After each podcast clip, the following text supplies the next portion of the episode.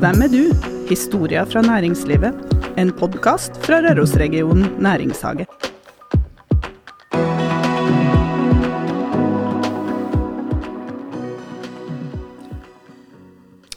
En eh, sommer har gått.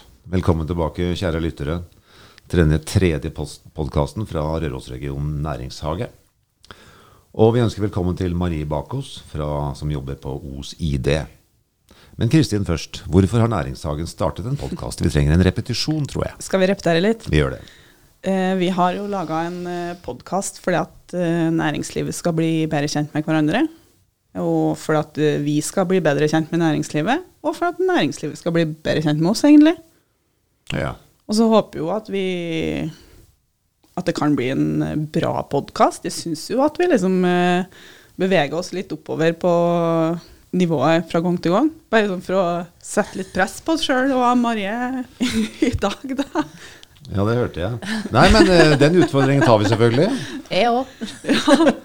Og, da, og vi, vi, har jo, vi er jo forberedt, eh, og selvfølgelig. Og Marie er forberedt. Hun har skrevet ganske mye til oss om eh, faktisk litt personlig liv og yrkesliv og utdanningsliv og det ene med det andre. Men som sagt, en sommer har gått. Hvordan har sommeren vært, Marie? Ja, jeg har ikke bydd på det grensesprengende opplevelsene. Ja. Det ble jo norgessommer i år òg. Men um, nei. Tur til Risør, tur til Sandefjord, tur til Riasten. Da har du fått med deg både fjord og fjell og fint vær har vi hatt. Og så lenge det er fint vær, så er jeg fornøyd. da. Det er liksom det jeg forlanger av en sommer. Og når vi kunne få det her så, Og da er det jo ganske storforlangende, da. Ja, det er det. Ja. Du har liksom den har nærma seg nesten solbrent opptil flere ganger i sommer. Det er ganske trivelig. Så du har også vært eh, nært hjemmet og i sola? Ja. Farta litt rundt omkring, latt uh, humla suse og bare være til. Det er deilig. Men du da, Karl Erik? Nei, det har vært det, er det samme. Fjell og vann og molter og blåbær og ja. Humla suser faktisk. Og deilig. Fire Ja. uker med. det er litt godt òg, for Ja, det er det ikke det Det er noe med når uh, sommeren ligger der åpen, og du skal til utlandet, og du skal det ene og det andre, og så kommer en hjem og skal liksom uh, fortelle om hva en har gjort, og da bør det høres litt kult ut. Men nå har vi kommet litt mer sånn nedpå. Ja. Ja, Strålende. alle har gjort sånn lavterskelting. Ja. Fint, det. ja, veldig fint. Ja. Og da er det sånn at Marie har skrevet til oss ganske mye. Og vi har lest igjennom og diskutert det litt, Kristin og jeg, i, i beste mening på alle måter. Men det jeg har lyst til å starte med, det er at uh, for oss Altså, du er ålbygg. Uh, født eh, på Røros sykehus uh, i hvilket herrens år? Herrens år 1973. Der ser du. Skulle egentlig vært 74, men um, ble 73. Bursdag i desember, med andre ord. Ja. Nemlig. Men i, i starten her, i forhold til utdanning osv., språk er en nøkkel. Ja. Kan du si noe om det? Forholdet ditt til språk? Ja. Um, det begynte vel egentlig med eller, Jeg tror egentlig eh, jeg, Både født med i hvert fall en slags evne, da, har jeg sett etter hvert. Mønster og språk og mer den delen av det kanskje enn liksom det kreative og det kunstneriske. Jeg har bestandig vært interessert, diskutert med pappa, som også er norsklærer, da. Eh, hele tida. Hvorfor folk snakker som de snakker, hvorfor noe språk er i slekt. Hvorfor uh, Ja, hvorfor har jeg bestandig lura på. Men så var jeg jo en stor lesehest, da, sjølsagt, fra så lenge jeg kan komme på. Uh, bestandig uh, hadde lesing som en jeg nesten hovedinteresse. Jeg har aldri kjeda meg en dag, et sekund. Bestandig hadde bøkene.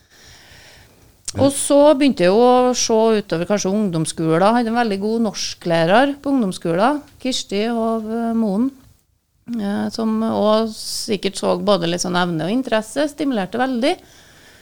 Og likte å lære fremmedspråk. Ja.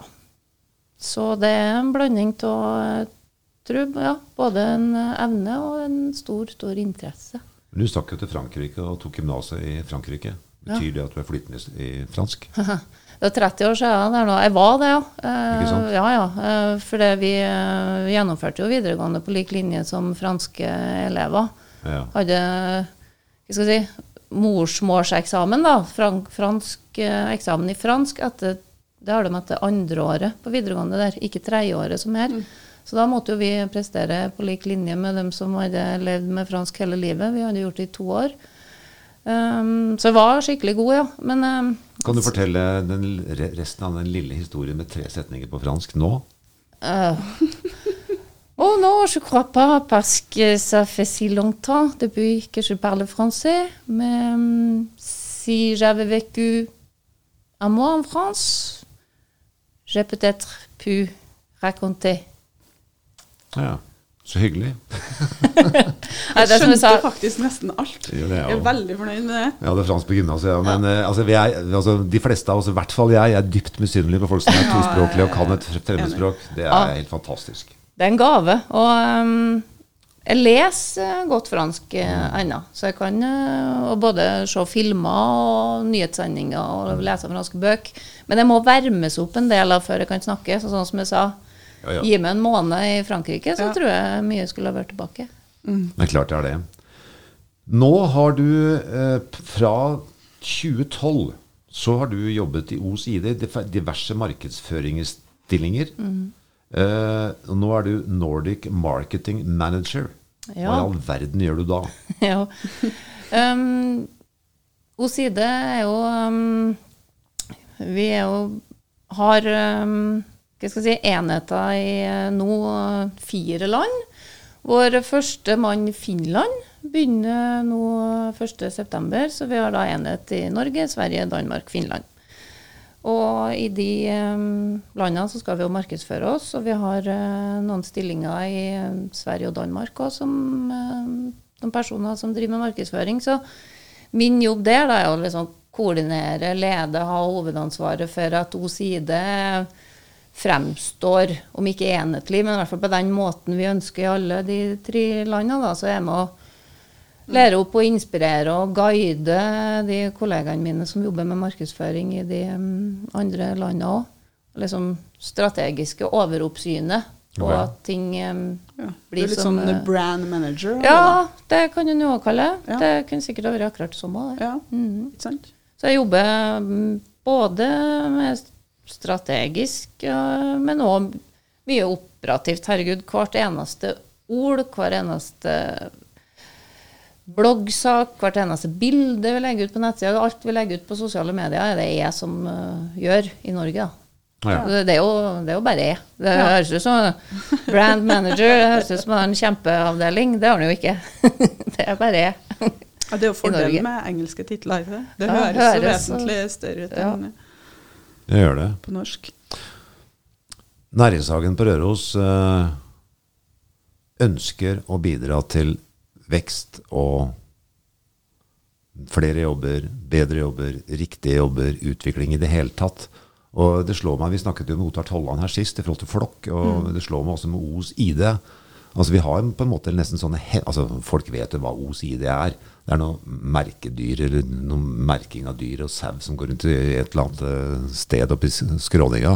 Men det er jo gjennomprofesjonelle internasjonale bedrifter. Hvordan, ja, hvorfor har vi ikke flere sånne, eller hvordan får de det til? Hva er, hva er nøkkelen til en sånn type utvikling og vekst som skaper så mye kraft i vårt lokalsamfunn? Det er et stort spørsmål som vi sikkert kunne ha snakka mye om. Og ja. Men jeg For OSIDE sin del, som jeg må snakke om som jeg kjenner best, så er det Det ene er jo historie, og at du bygger på noe solid. Du har produkt som markedet trenger. Ja. Um, men òg at du evner til å ta de mulighetene som byr seg, og virkelig utvikle det og ta noen sånn kvantesprang i produkt og teknologi når det òg trengs. Ok. Um, fordi at uh, Osida har jo drevet med øremerking i 85 år. Men de siste åra så er vi jo over på for det første med elektronikk i øremerkene. Det har vi jo hatt i ja, over ti år nå. Men uh, siste par åra så er det jo uh, aktivitetsmåling av dyr. Altså at du henger på en dings på storfe som kan uh, da fortelle eieren om um, om eh, helse, om eh, brunst, om alle de parametere som bonden trenger å vite noe om for å kunne både få mest mulig ut av dyra sine, men òg for at dyre, dyrevelferden skal sikres. Så det å slå til på sånne muligheter og se når det matcher resten av produktspekteret ditt, og ikke bare at du selger noe annet attåt det du driver med, men noe som faktisk fyller ut uh, porteføljen din med produkter som passer sammen. Og at du òg tør å ta da noen grep som gjør at du har muligheten til å satse på det. da, faktisk At de grepene blir gjort, er den viktigste faktoren eierne og eiernes krav eller ansattes kompetanse og vilje og ønske? Jeg tror nesten jeg må si eh, begge deler. Det ene kan jo ikke skje uten det andre. Og der òg syns jeg hun Side har vært gørrflink med å være i forkant og kanskje ansatt, ansatt kompetanse som en nødvendigvis ikke nå trenger her og nå i dag, men som vi vet folk av denne typen her har vi bruk for. Ja. Da Du investerer i ja, kompetanse før da ansetter ansatte vi dem for at vi tror at her har vi noe å hente. Her, um, det er ikke at du er ansatt bare akkurat det du trenger nå i dag, men du er ansatt det du fordi at du kan bransjen så godt, skjønner at du har bruk for om ett år, to år, når de folka dukker opp. Og det må vi jo òg si litt om i en sånn podkast, at um, at uh, hva skal jeg si, de folkene trenger altså ikke vokse på gress. At man må kanskje tørre å tørre å ansette noen som, eh, som er fremtid og ikke nåtid, fordi at de er ganske vanskelig å få til. Så når de dukker opp, så må du grabbe til dem og sørge for at de blir her. Kjempeviktig det du sier der, tenker jeg. Jeg, tror òg du er inne på en utfordring som mange bedrifter i regionen opplever. At man, man oppdager ikke før Det egentlig nesten er litt for sent at det her er en kompetanse jeg trenger for å utvikle med bedriften min videre, og så blir det en litt sånn pausetilstand en stund til du har fått den på plass. Ja, men Vi snakker mye om det når vi ser uh, folk som vi skjønner at vi får bruk for på en eller annen måte. Så har vi gjort noen grep for å få til å ansette gode medarbeidere. Og så er du et svært aktivt menneske, og du er åpenbart et uh, menneske som er opptatt av uh, en form for samfunnsansvar. Det er iallfall det jeg leser mellom linjene, men det får nå så være. Men i tillegg så er du fælt å trene og sånn, da. Gruppetimeinstruktør på aktiviteten. Åssen i all verden gidder du å stå klokka seks eller sju og sitte og tråkke sykkel med en gjeng med gjerninger? Ja, det er litt, nå har jeg jo slutta med det, da. Jeg har slutta med det i høst, men jeg har holdt på med det i 20 år. Um, nei, for meg har det jo det å være øh, glede. Og da egentlig ikke så opptatt av trening. Eller sånn. Jeg er ikke sånn som Jo, jeg har pulsklokke, det har jeg. Men jeg er ikke så opptatt av hva skal jeg si, alle fysiologien bakåt meg. Det har vært glede, inspirasjon øh, Og det også der òg. Det er litt sånn som på jobb, det. Jobb, ha en time og se at de eh, folka som er i salen, blir glad. De, det er noe med å få til ting sammen, og det er på en måte å få til noe sammen der òg, med å ha en Særlig som jeg hadde en litt sånn dansetype time. Du, det høres sånn pompøst ut, men det skaper et eller annet i hver time sammen, som er helt annerledes enn eh, når du er ute på joggetur for deg sjøl. Jeg gjør det òg, men da er, det gjør jeg med ikke raseri, men med mer sånn innbitthet. Det er ikke artig, det gjør jeg fordi jeg må. Å være instruktør er artig. Det er ikke pompøst i det hele tatt, det du sier. Takk. og så har, vi en, så har vi en sak med deg som person. Ja, nå er jeg spent. Du har en mann og du har to gutter som er sånn i akkurat i disse tenåra hvor det er full fart og fotball og en med andre. Så det er mye fotball her. Og så sitter Ja. og ser på TV sammen og alt mulig. Men spørsmålet mitt er du skal få lov å Du skal få to ord. Nå skal du si akkurat hva du vil om det. Akkurat som det passer deg. De to ordene er fotball og gutter. Tol. Nei, du kan bruke flere. Det var mine to ord. Fotball og gutter er klikket. Hva sier du da? Det første jeg tenkte på, var baller. Kristin, du sa det. Sorry. Var det det første du tenkte på? Nei, jeg begynte å tenke på mm, okay. Har du spurt meg når jeg var 17, så har jeg kanskje sagt noe helt annet eller si nå. Nei, for oss er det jo nå, da, så er det jo Og det er energi, og det er gleder, og det er sorger, og vi Ja, nei, det er egentlig litt sånn eh, Nesten i familien vår er litt sånn limet som holder oss sammen. Og jeg kan jo si det, da. Fotball og gutter. De første datene jeg og Ole var på, da var vi på Rosendal pub i Trondheim og så fotballkamp. For du er hardcore fotballfan, Ja, jeg du? er det. Før, før alle guttene mine, så har jeg vært det, altså. Mm. Fikk aldri spille sjøl, da. For da jeg var jente, så ja, var ikke det fotballag for jenter i åren. Nei. Så vi trente med ryssene en stund, da. Så var det litt begrensa hvor artig det ble når det var litt større. Men jeg, jeg tror ikke at jeg tror at jeg kunne ha blitt så god, men jeg tror at jeg kanskje likte det godt. Så jeg er litt lei meg for at jeg aldri fikk gjort. Ja.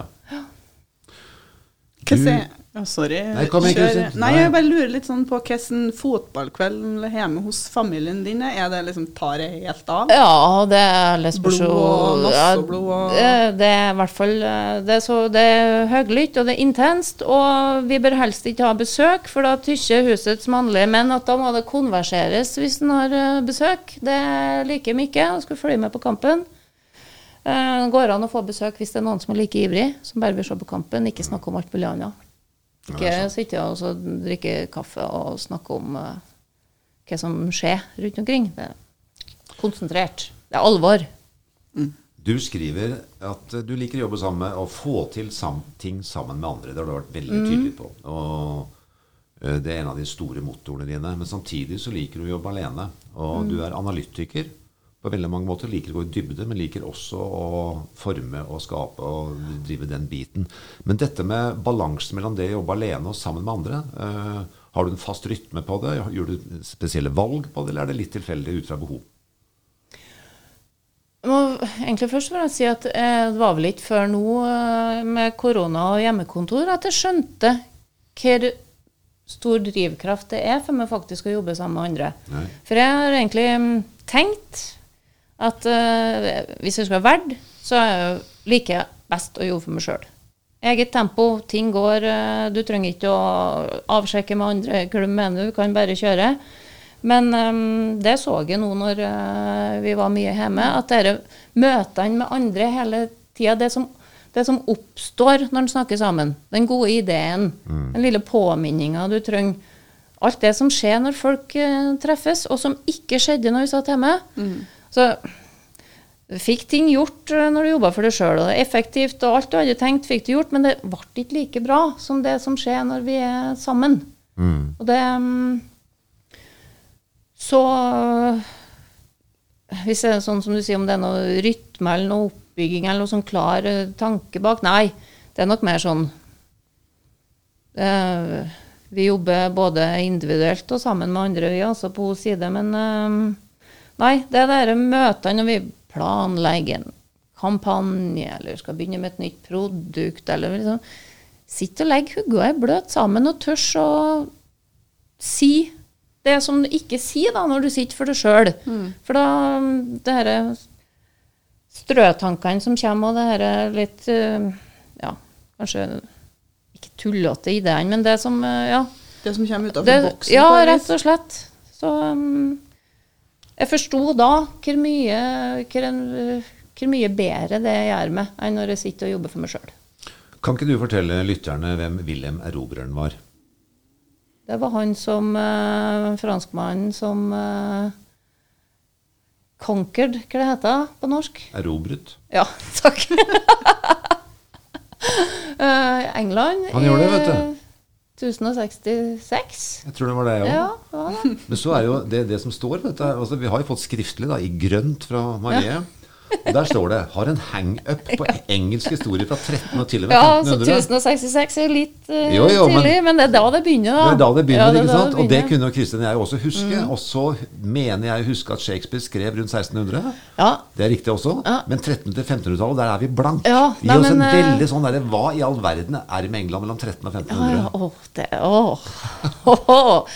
Da er det maktkamp mellom de forskjellige slektene. I, eh, For dere som har sett Game of Thrones, da, som uh, det her uh, maktkampen mellom de to slektene som de sier at uh, Game of Thrones bygger på, er jo um, det som kalles rosekrigene i England, da, men som egentlig handler om at to familier som egentlig springer ut fra samme slekt, som hele tida kjemper om herredømme, og det veksler frem og tilbake, og det er blodig og dramatisk. Så er jo alle innvirkningene det har på vanlige folks liv òg, da. Som en kanskje ikke uh, leser så mye om i historiebøkene, men mm. som um, i mange andre bøker, når det går litt i dybden. så får vi se er dette Stuartene? Maria Stuart og sånn? Uh, ja, det er 1500-tallet. 1500 så det er, litt, ja. det er før det. Det er ja. som bygger opp til at Henrik den åttende, mm. egentlig, og etter han, da, Elisabeth får makta. Mm. Så, um, og så er overgangen til det hva skal jeg si, litt moderne, moderne Europa.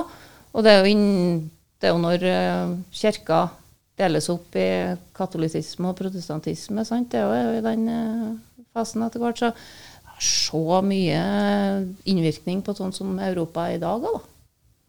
Så det er kjempeinteressant. Men hvorfor er du så fascinert av akkurat det der? Å, nei, jeg vet ikke. Bestandig vært. Men det måtte jo starte med noe, tenker jeg. Altså... Og jeg vet hva det starta med. Det er ja. helt uh, enkelt. Det begynte jo når uh, den serien The Tudors gikk på NRK for uh, ja, ti år siden eller noe sånt. Mm. Den så jeg jo. Det. Ja.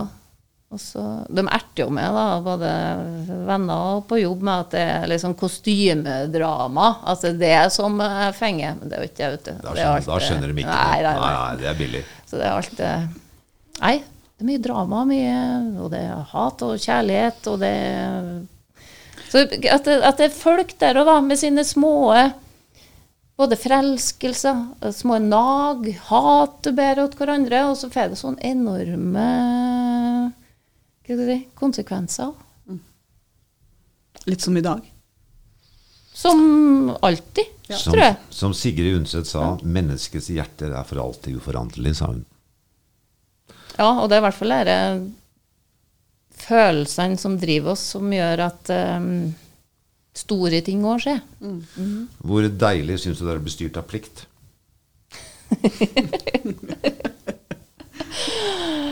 Jeg har nok skjønt at jeg har en helt eh, ja, litt sånn i overkant uh, sterk pliktfølelse. Skal du være ferdig med noe til et tidspunkt, så er det ikke noe alternativ å ikke være det. Så er jo en ting da at For meg så gir det veldig mye sånn fremdrift og kan hake av ting og at liksom kan planlegge og alt sånt. Det som kanskje er problematisk, er jo når jeg har litt samme forventningene til dem jeg jobber med, da. Det kan jo være både kollegaer og når en samarbeider med andre. Så å skjønne at ikke alle andre kanskje har det forholdet til et uh, hva skal jeg si, til en uh, avtale du har gjort, og kanskje av og til med god grunn. Kanskje den fristen du da har satt det, kan flyttes litt, for kanskje vi kan få et bedre resultat da. Altså, jeg må jo forstå jeg, at men, det trenger ikke å bare være bra, da, men for meg er det veldig drivende. Men det som var interessant, da, det var at samtidig så skriver du bitte litt lenger ned at du er lett til sinns. ja. Og hvordan all verden klarer å koble pliktfølelse ja, med å være lett til sinns. Drømmeansatt, da. ja, okay. Men du, Gard Erik, vet ikke om du kommer på For noen, mange år siden så var du, eh, leda du en prosess en plass jeg jobba, og da tok vi personlighetstester. Jeg husker det veldig godt. Og da sa du at det her var en sånn merkelig profil. Det henger ikke helt uh, sammen. Eller i hvert fall at det var uvanlig, da. Fordi, det. Og det kan være noe av det der, da, for at jeg legger ikke på med ting eller bekymrer meg eller går og ergrer meg eller altså. Så det, det, er jeg enig i. Det litt uh, pussig miks. Lucky you. Ja, veldig. Ja. De, ja, de er jo veldig heldige, de i O-side da, tenker jeg. Det kan være litt plagsomt da. Ja, ja. Det må jo sies. Men, eh, Nei, for Tilbake ja. til Os ID igjen, så er vi i en situasjon hvor vi snakker med en som er ansatt i et selskap på et høyt nivå, og som driver utviklerne internasjonalt osv. Dere også, dere, altså I utgangspunktet så var dette lokalt eid. Så ble det kjøpt av en fransk eier som ikke jeg kjenner bakgrunnen til. Det er ikke veldig viktig. Men nå er dere faktisk eid av noen andre, som heter I Europa, eller i USA heter selskapet Merck. MERCK. Uh, Utafor uh, USA så heter det MSD. Det er ett selskap. Det er forskjellige årsaker til at det har forskjellige navn. Uh, Et legemiddelselskap, farmasiselskap, som driver både da med menneskehelse, det er jo største delen av det, men også dyrehelse. Ja. Og det er jo slik eh, vi har kommet inn i bildet med det jeg snakka om i stad, særlig mer aktivitetsmålingsprodukter der du kan overvåke dyrehelsa. Kombinerer du det da med gode vaksineprogram, sånn at du kan være i forkant øh, før sykdom oppstår, i stedet for å medisinere og reparere etterpå, Ja. så er det jo interessant for, øhm, for et selskap i den øh, kategorien. Og da under et børsnotert selskap som omsetter milliarder på milliarder av dollar, så er det en fabrikk i Os i Østerdal.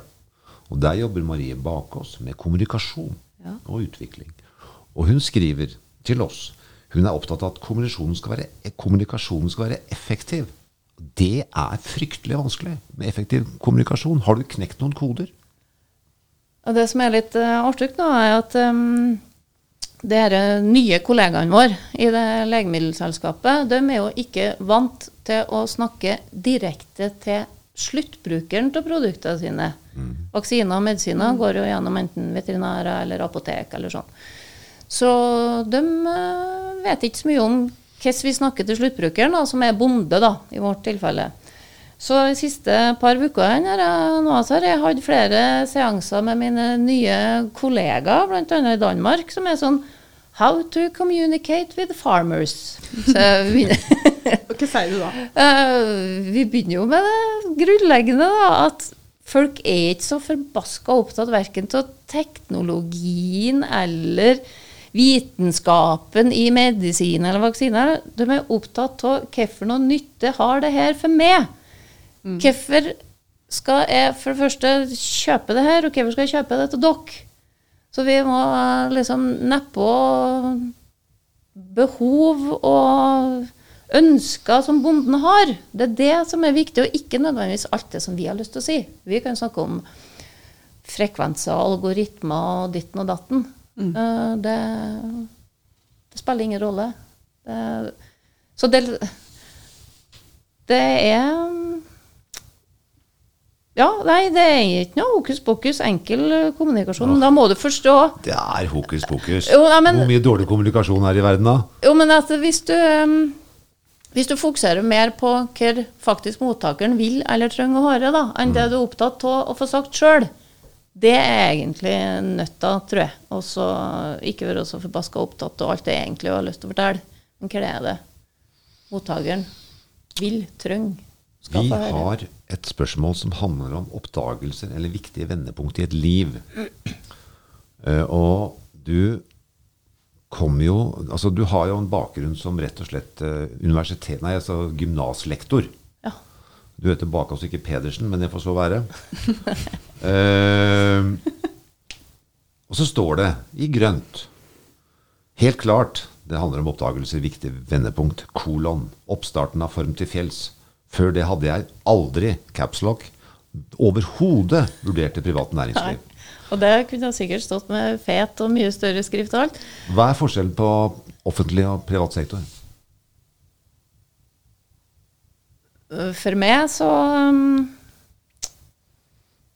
Så var det jo det at uh, Ja, i det private altså, er jo faktisk uh, Det høres så dumt ut. Du må på en måte gjøre det Effektiv kommunikasjon her nå. Ja. det du skaper i løpet av en dag, er faktisk det du og selskapet ditt skal leve av, da. Sånn er det jo ikke i det offentlige. Der, og nå alle må tilgi meg, for nå setter jeg ting på spissen, men det ruller det og går litt sånn om jeg hadde en dårlig dag i dag, eller dårlig måned, dårlig ja. Ingen sånn direkte konsekvenser, bortsett fra kanskje for meg, da, at både elever og kollegaer tykker at du er en eh, dust. Men det, du, du, du tar ingen risiko på samme måten, da, tenker jeg, når, eh, når du jobber i det offentlige. Og for meg så var det det som var uh, både en motivasjon til å skifte helt BT, men òg ganske skummelt, altså. For jeg hadde tenkt uh, Jeg hadde sett for meg akademisk uh, karriere og, og kanskje aller helst å få doktorgrad, eller liksom få sitte og så grave meg ned i det her um, i det her bøkene mine og i grammatikken min og sånn. Det hadde jeg tenkt at det var det som var for meg. Og så ja, Nei, jeg hadde ikke vurdert det heller. Kjente ikke så mange Da var jeg jo ganske ung ennå, da, men jeg kjente ikke så mange som drev noen privat virksomhet. Kunne ikke mye om det. Jeg hadde liksom aldri tenkt at det var Nei. en mulighet for meg. Det var andre som drev med sånt, ikke jeg. Med annen bakgrunn. Jeg, jeg synes det, er- jeg synes det er eh, Jeg skal bare si noen intro for egen del. Da. Det er for egen regning. Eh, Jeg syns dette med å sette folk i grupper og la dem eh, identifisere folk ut fra hvilken gruppe tilhører, det er ganske teit. Altså, I min verden så skiller jeg ikke på kvinner og menn i jobb. Det er personer, og folk er sånn og sånn og sånn. Alder og alt mulig. Det, det driter jeg i. Men uh, du har en historie som jeg syns var ganske sterk og ganske kul, egentlig. For den sier noe om kulturer. Den sier noe om det ene med det andre. Og det var når du da kom inn i privat sektor i Form til fjells med små unger. Og så var det mye å gjøre. Og så møtte du en kar som var omtrent som meg, passert 60 og litt Ja. sånn eh, så. Fortell den storyen. Ja. Um, da hadde jeg jobba i Form til fjells i ja, var vel eh, snart ti år, eller mange, mange år i hvert fall. Vi jobba dag og natt, og vi jobba hardt, og vi jobba godt, og vi fikk til mye. Jeg var daglig leder en eh, periode, og til slutt så kjente både jeg og familien og alt at eh, det var for mye, rett og slett. Eh, Som jeg sa, Et konkret eksempel på det var at jeg begynte å kjenne at om dagene så gikk jeg og venta på at ungene som var små, da, at de skulle legge seg for kvelden, sånn at, de, sånn at jeg fikk eh, jobbe videre. Var utålmodig, klarte ikke å hva skal jeg si, leve i nuet og ikke sette pris egentlig på det livet vi hadde da. Gikk bare liksom og venta hele tida. Venta på at det skulle bli kvelden, venta på at ungene skulle bli større, så jeg fikk jobbe mer. Mm. Jeg fikk aldri jobba nok. Og så skjønte jeg at eh, nei, det, sånn eh, går ikke an å holde på, så da tok jeg avgjørelse på at jeg skulle slutte i Form til fjells. Og så fortalte jeg det da til eh, noen. Og da han eh, karen som du snakker om, da sa han det at ja, nei, det er typisk uh, unge damer. Dere gir dere når ting blir hardt. Og da hadde jeg altså kjempa og jobba, og jeg tykte at vi hadde jammen fått til så mye. Og det var, var ikke uh, sutring og klaging for at ting var litt tøft. Det var rett og slett en, et valg på at uh, ja, du har et liv som skal leves, og ikke bare på jobben. Og du har Det er ting som er mye viktigere enn jobb. Så jeg fikk den. Jeg ble altså så perpleks at eh, jeg, jeg tror ikke jeg klarte å si noe. Hva, hva ville du sagt i dag? I dag har jeg ville sagt at det er mm, For det første så har det jo altså ikke noe med verken kjønn eller alder eller noe som helst, det å ta en sånn beslutning. Det har noe med at um, du tar noen livsvalg av og til som er rett for det på et bestemt uh, tidspunkt. Og det er i hvert fall ikke rett at um, en person som aldri har vært i den situasjonen som jeg var. For jeg sa at der var en kar av en generasjon som hadde, hadde koner. Koner som uh, ordna alt sånt. Som aldri hadde trengt å kjenne på den der dårlige samvittigheten. Man skal i hvert fall ikke eh, komme og så dømme noen fordi den tar et annet valg enn det du noen gang har trengt å um, tenke på. Og så putte på den der labelen med at det var ung dame attåt, altså. Em, ja. Nei, så har det skjedd i dag, så har jeg ikke Jeg har blitt perpleks da, tror jeg, men jeg skulle ha klart å sende noe i retur. Men vet du det Og det var så, jeg tykte det var så urettferdig, for at det var liksom At det kunne henges på noe at du ikke orka. At du søt. At du klaga. Når du virkelig da tykte at du hadde jobba dag og natt og fått til mye bra. Så nei. All respekt det over det valget, Marie, og en veldig interessant historie. Uh, vi nærmer oss slutten. Uh, Os ID vil jo også altså er i arbeid, er i videre Os ID skal bli noe mer enn det de er, eller noe annet enn det de er, i framtid. Har du noen tanker rundt hva, hvilken retning Os ID kan utvikle seg videre fra det det er i dag? Det som vi eh, nok vet og kan si eh, allerede, er jo at eh, det vil jo bli Og som landbruks, det vet vi jo, landbruksbransjen, dyreholdsbransjen, eh, blir mer, mer teknologi, mer overvåking, mer fokus på dyrevelferd, på produktivitet. Vi er folk som skal ha mat eh, fortsatt. Vi er mange folk. eh, Ressursene er begrensa. Da må vi få mer ut av de dyra som faktisk finnes. Og da må vi bruke teknologi. Så mm, fra å være Jeg tror nok øremerka vil være hva skal jeg si, hovedproduktet vårt eh, i overskuelig fremtid. Men løsninger som kombinerer merking med at du kan ta DNA-prøver av dyret, få en sånn genbank over eh, dyrepopulasjonen, kombinert med Jeg tror sammensmelting av dingser. Altså Nå har du én dings for øremerke, du har én for aktivitetsmåling, du har noe annet for GPS, søyen som eh, går ute og blir overvåka på avstand. Um, ting vil smelte sammen, men det vil uh, teknolo mer teknologi. Um, og, og enda mer også da, hvis du kan klare også å kombinere det med, som jeg sier, med helst forebyggende Ja, medisin, altså ikke reparerende, som vi sier. Altså få kombinert det. Og så får du noen veldig sånn gode pakker som bonden kan, um, Ja, kan få. Du kjøper kanskje ikke ett og ett produkt. Du kjøper mer pakker muligens, som gjør at dyret ditt kan få god helse og bli overvåka og passa på hele livet. interessant. I Næringshagen så er vi så heldige Kristin, at du har et styre. Ja. Hvem er det som sitter i det styret? Nei, det kommer ikke i havna, jeg tuller bare. Jeg vet det. Men det har kommet en ny en dit. Det har det, eh, og det er jo Marie. Ja. Ja, og hun har vært med på et styremøte. Men eh, du er jo engasjert da, Marie, og det, vi setter veldig pris på å få deg inn i, i styret vårt.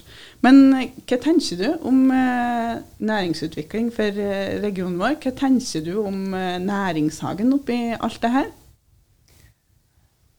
Det er jo um, gørrartig å få lov til å være med i en sånn um, organisasjon som Næringshagen er. Og vi snakka om samfunnsansvar um, i stad. og det er jo det som er hovedmotivasjonen, både min og for O side sin del, at vi investerer tid i å bidra inn i næringshagen. Um, der òg. Det som er målsettinga for næringshagen, å være drivkraft. Og så der òg jobbe sammen på tvers eh, mellom både bransjer og bedrifter og sånn for å løfte hele næringslivet oppover. fordi at og hovedårsaken til at jeg syns at det er personlig interessant for meg, og at jeg syns at det her skal være en plass der det er interessant å bo, interessant å jobbe, en plass der folk vil, eh, ungdommene vil komme igjen etter de har vært vært ute og studert, at det handler om en sånn livskraftig og attraktiv region å bo i. Det er liksom grunnmotivasjonen. Og så Jeg har vært bare på ett styremøte, Kristin Anna. Men de eh, personene som er med i styret der, og for en interessant og inspirerende gjeng.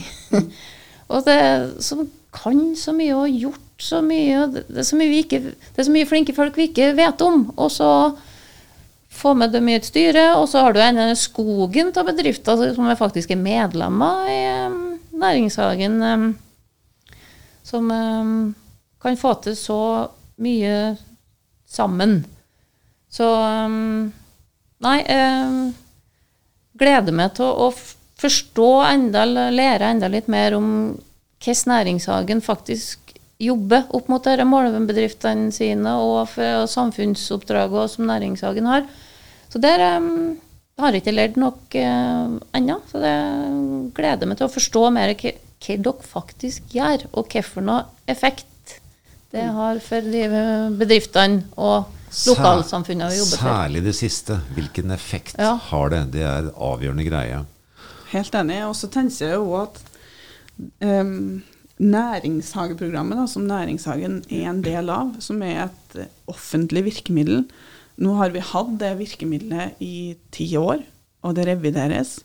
Og jeg tror òg at uh, Rørosregionen som næringshage, vi har jobba ganske likt de ti åra. Vi har liksom utvikla oss litt og litt, men um, jeg tror at vi òg skal gjøre mye mer for å være mer ute og tilgjengelig hos målbedriftene våre.